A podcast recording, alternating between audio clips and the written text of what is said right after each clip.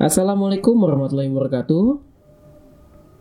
Selamat datang di podcast saya bersama saya Faisal.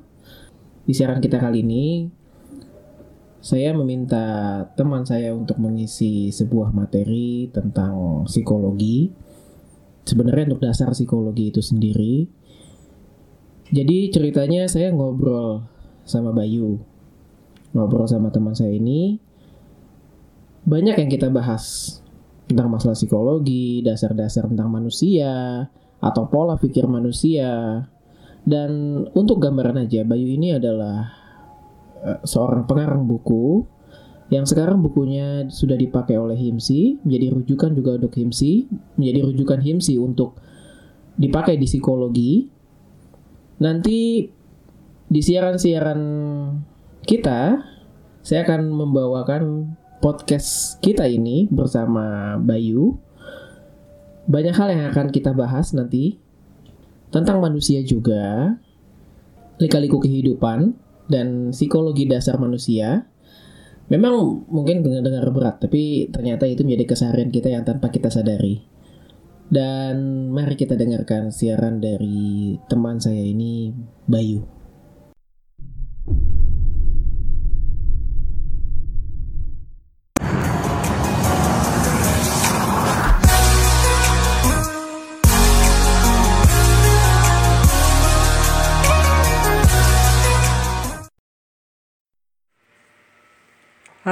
Perkenalkan nama saya Bayu Jatmiko. Selamat mendengarkan di podcast saya. Pada kali ini saya ingin menjelaskan mengenai rasa takut bukan bawaan dari lahir. Penjelasan ini diambil dari artikel yang saya tulis dengan judul yang sama yakni rasa takut bukan bawaan dari lahir Artikel ini terdapat di buku HIMSI, Himpunan Psikologi Indonesia, seri keempat, yang berjudul Psikologi dan Integrasi Bangsa. Selama ini kita mengetahui kalau rasa takut itu bawaan dari lahir ya, kebanyakan emosi dasar lah. Lebih enak dibilang emosi dasar. Jadi udah ada dari sananya sebagai bagian dari diri manusia inmate ya. Jadi ketika ada ancaman kita akan merasa takut. Kita akan menghindar. Seperti lihat anjing galak atau lihat uh, harimau macan singa yang lepas seperti itu. Itu ada rasa takut di dalam diri kita. Itu adalah pengetahuan umum yang ada di masyarakat. Tapi berdasarkan artikel yang saya tulis untuk HIMSI yakni bahwa sesungguhnya rasa takut itu bukan bawaan dari lahir.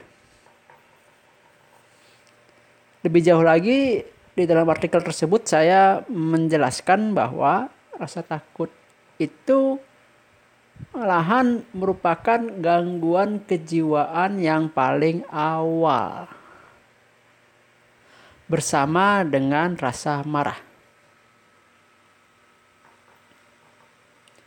Oke, sebelum saya menjelaskan lebih jauh, pada podcast saya kali ini saya ingin menjelaskan bahwa bagaimana sih awal terbentuknya rasa takut itu pada manusia. Apabila dia bukan bawaan lahir kan berarti dia akan terbentuk ya. Nah, bagaimana? Secara umum rasa takut itu bisa terbentuk melalui dua cara. Yang pertama adalah apabila seseorang individu atau manusia mengalami tekanan yang berulang-ulang atau ancaman terus-menerus yang akhirnya membuat dia stres. Itu yang pertama. Pada pada saat ini saya tidak akan menjelaskan hal yang pertama. Hal yang kedua adalah apabila seseorang mengalami trauma atau sebuah kejadian psikologis yang membuat nyawanya terancam. Termasuk di dalamnya adalah pada saat bayi pertama kali merasa terancam Di sinilah pada saat bayi inilah rasa takut pertama kali terbentuk, terciptakan. Bagaimana prosesnya? Kita akan melanjutkan diskusi kita uh, pemapar, pemaparan saya di podcast ini. Ini yang akan saya jelaskan, yakni bagaimana bayi pertama kali merasa takut. Oke. Kita mulai yang menjadi topik pembahasan kita.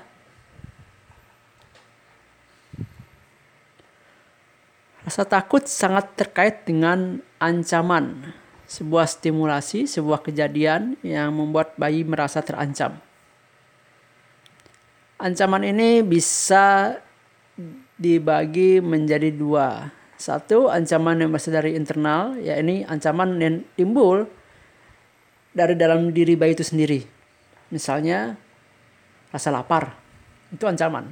Karena apabila itu tidak terpenuhi, maka akan bisa mengganggu kesehatan bayi tersebut. Atau ketidaknyamanan karena ingin buang air besar, itu juga ancaman. Apabila bayi tersebut tidak bisa melakukan, melakukan buang air besar, tidak bisa mengeluarkan kotoran dalam tubuhnya, maka hal itu akan mengganggu kesehatan si bayi. Itu internal ancaman-ancaman internal. Ada juga ancaman-ancaman eksternal seperti suara keras. Jadi misalnya berisik nih orang tuanya bertengkar terus bertengkar mami papinya. Nah ini bayi merasa terganggu dia merasa terancam. Nah, itu ancaman eksternal. Atau juga suara panas atau pakaian yang penuh keringat yang bikin kulit bayi merasa tidak nyaman atau merasa gerah. Ini juga bisa menjadi sebuah ancaman bagi bayi tersebut. Dipersepsikan ketidaknyamanan ini ketidaknyamanan ini dipersepsikan sebagai sebuah ancaman bagi si bayi. Oke. Responnya apa sih ketika bayi itu merasa, ter, merasa terancam? Yang paling umum adalah menangis. Bayi menangis. Mengapa bayi menangis? Karena ada ancaman itu bayi menangis itu didorong oleh uh, energi yang ditimbul, ditimbulkan oleh jantung ketika jantung terstimulasi oleh hormon adrenalin. Adrenalin ini akan aktif ketika ada ancaman yang mengganggu indera-indera pada bayi. Sakit perut, mules, rasa lapar. Nah, ini indera-indera internal atau suara keras ini mengganggu pendengaran atau panas. Cuaca panas, gerah, itu mengganggu kulit. Nah, hal-hal yang tidak nyaman ini uh, yang terus mengganggu atau mengancam indera-indera ini akan membuat adrenalin timbul. Kemudian dia akan mem membuat jantung berdetak lebih keras, menghasilkan energi yang harus dikeluarkan dan energi itulah yang keluar melalui suara tangisan bayi.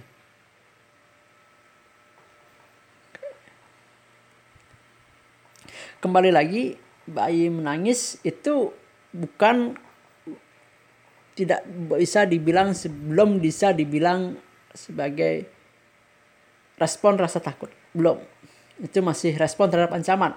Bayi menangis. Itu respon awal ya. Belum bisa dikategorikan sebagai rasa takut. Oke. Bayi menangis. Kita lanjut lagi nih. Bayi menangis.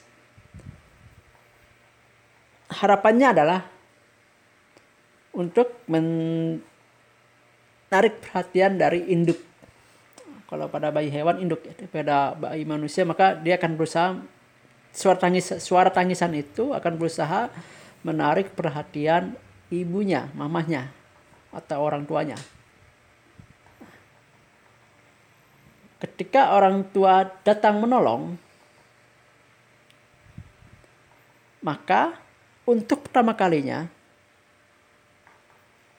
untuk pertama kalinya logika terbentuk di memori bayi. Logika sederhana. Ada ancaman, kemudian bayi itu menangis, responnya. Kemudian orang tua menolong. Jadi bayi itu menangis, orang tua menolong. Ini adalah logika sederhana yang pertama kali terbentuk pada manusia. Saya mengatakannya sebagai logika kewaspadaan. Bukan takut. Apa sih beda dengan takut? Oke. Itu ketika orang tua menolong. Apabila yang terjadi adalah orang tua tidak menolong atau orang tua tidak mendengarkan atau orang tua gagal menolong yang mengakibatkan bayi menangis semakin keras, semakin keras, semakin keras. Ketika ini terjadi, ketika orang tua tidak menolong, gagal menolong atau berusaha menolong tapi gagal menerjemahkan keinginan bayi misalnya bayi padahal merasa lapar tapi orang tua hanya menggendong tidak tahu apa yang harus dilakukan padahal bayi itu merasa lapar membutuhkan susu. Ini suatu kegagalan uh, orang tua untuk menolong. Nah yang terjadi pada bayi adalah logika pertama kali yang tadi terbentuk yang harus yang kuas pada logika kuas pada terbentuk pada saat orang tua tidak menolong ter, tidak terbentuk logika tersebut kenapa ketika bayi menangis, orang tua tidak hadir. Ketika bayi menangis, tidak ada solusi di otaknya. Tidak terbentuk di memorinya ada solusi. Dia hanya menangis, menangis, dan menangis. Akhirnya tidak ada logika. Tidak ada logika yang terbentuk pada bayi tersebut yang tersimpan dalam memorinya. Logika apa itu? Logika bahwa bayi menangis, orang tua menolong. Nah, karena tidak ada logika, bayi menangis tidak ada logika, tidak ada solusi. Maka logika pertama kali itu tidak terbentuk. Jadi dia hanya menangis, menangis dan menangis tanpa membutuhkan logika. Tidak mengerti, tidak tidak ada sebab akibat. Ketiadaan logika ini ketika ada ancaman disebutlah itu sebagai rasa takut. Di situlah pertama kali rasa takut itu terbentuk yakni reaksi fisik tanpa disertai kemampuan berpikir atau logika berpikir. Itulah rasa takut. Sekali lagi rasa takut adalah reaksi fisik menghadapi ancaman tanpa disertai kehadiran logika berpikir atau kegagalan kegagalan berpikir. Itu penjelasan penjelasan sederhananya. Jadi kesimpulannya adalah bahwa manusia dalam menghadapi ancaman memiliki dua respon. Satu respon waspada dan yang satu lagi adalah respon takut. Pada kewaspadaan, reaksi fisik yang ditimbulkan dari akibat dari ancaman yang ada disertai dengan logika berpikir atau kemampuan berpikir Sementara pada rasa takut, reaksi fisik yang timbul karena ancaman tidak disertai dengan logika berpikir atau ketidakmampuan berpikir. Itu rasa takut. Kira-kira seperti itu penjelasannya. Ada perbedaan yang sangat jelas antara kewaspadaan dan takut.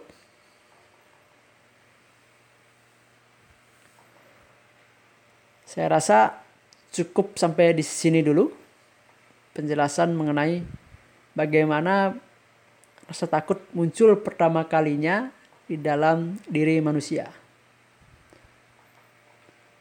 Pada podcast berikutnya saya akan mencoba menjelaskan lebih jauh sistem kerja yang berkaitan dengan kewaspadaan dan rasa takut ini terutama terkait dengan hormon-hormonnya.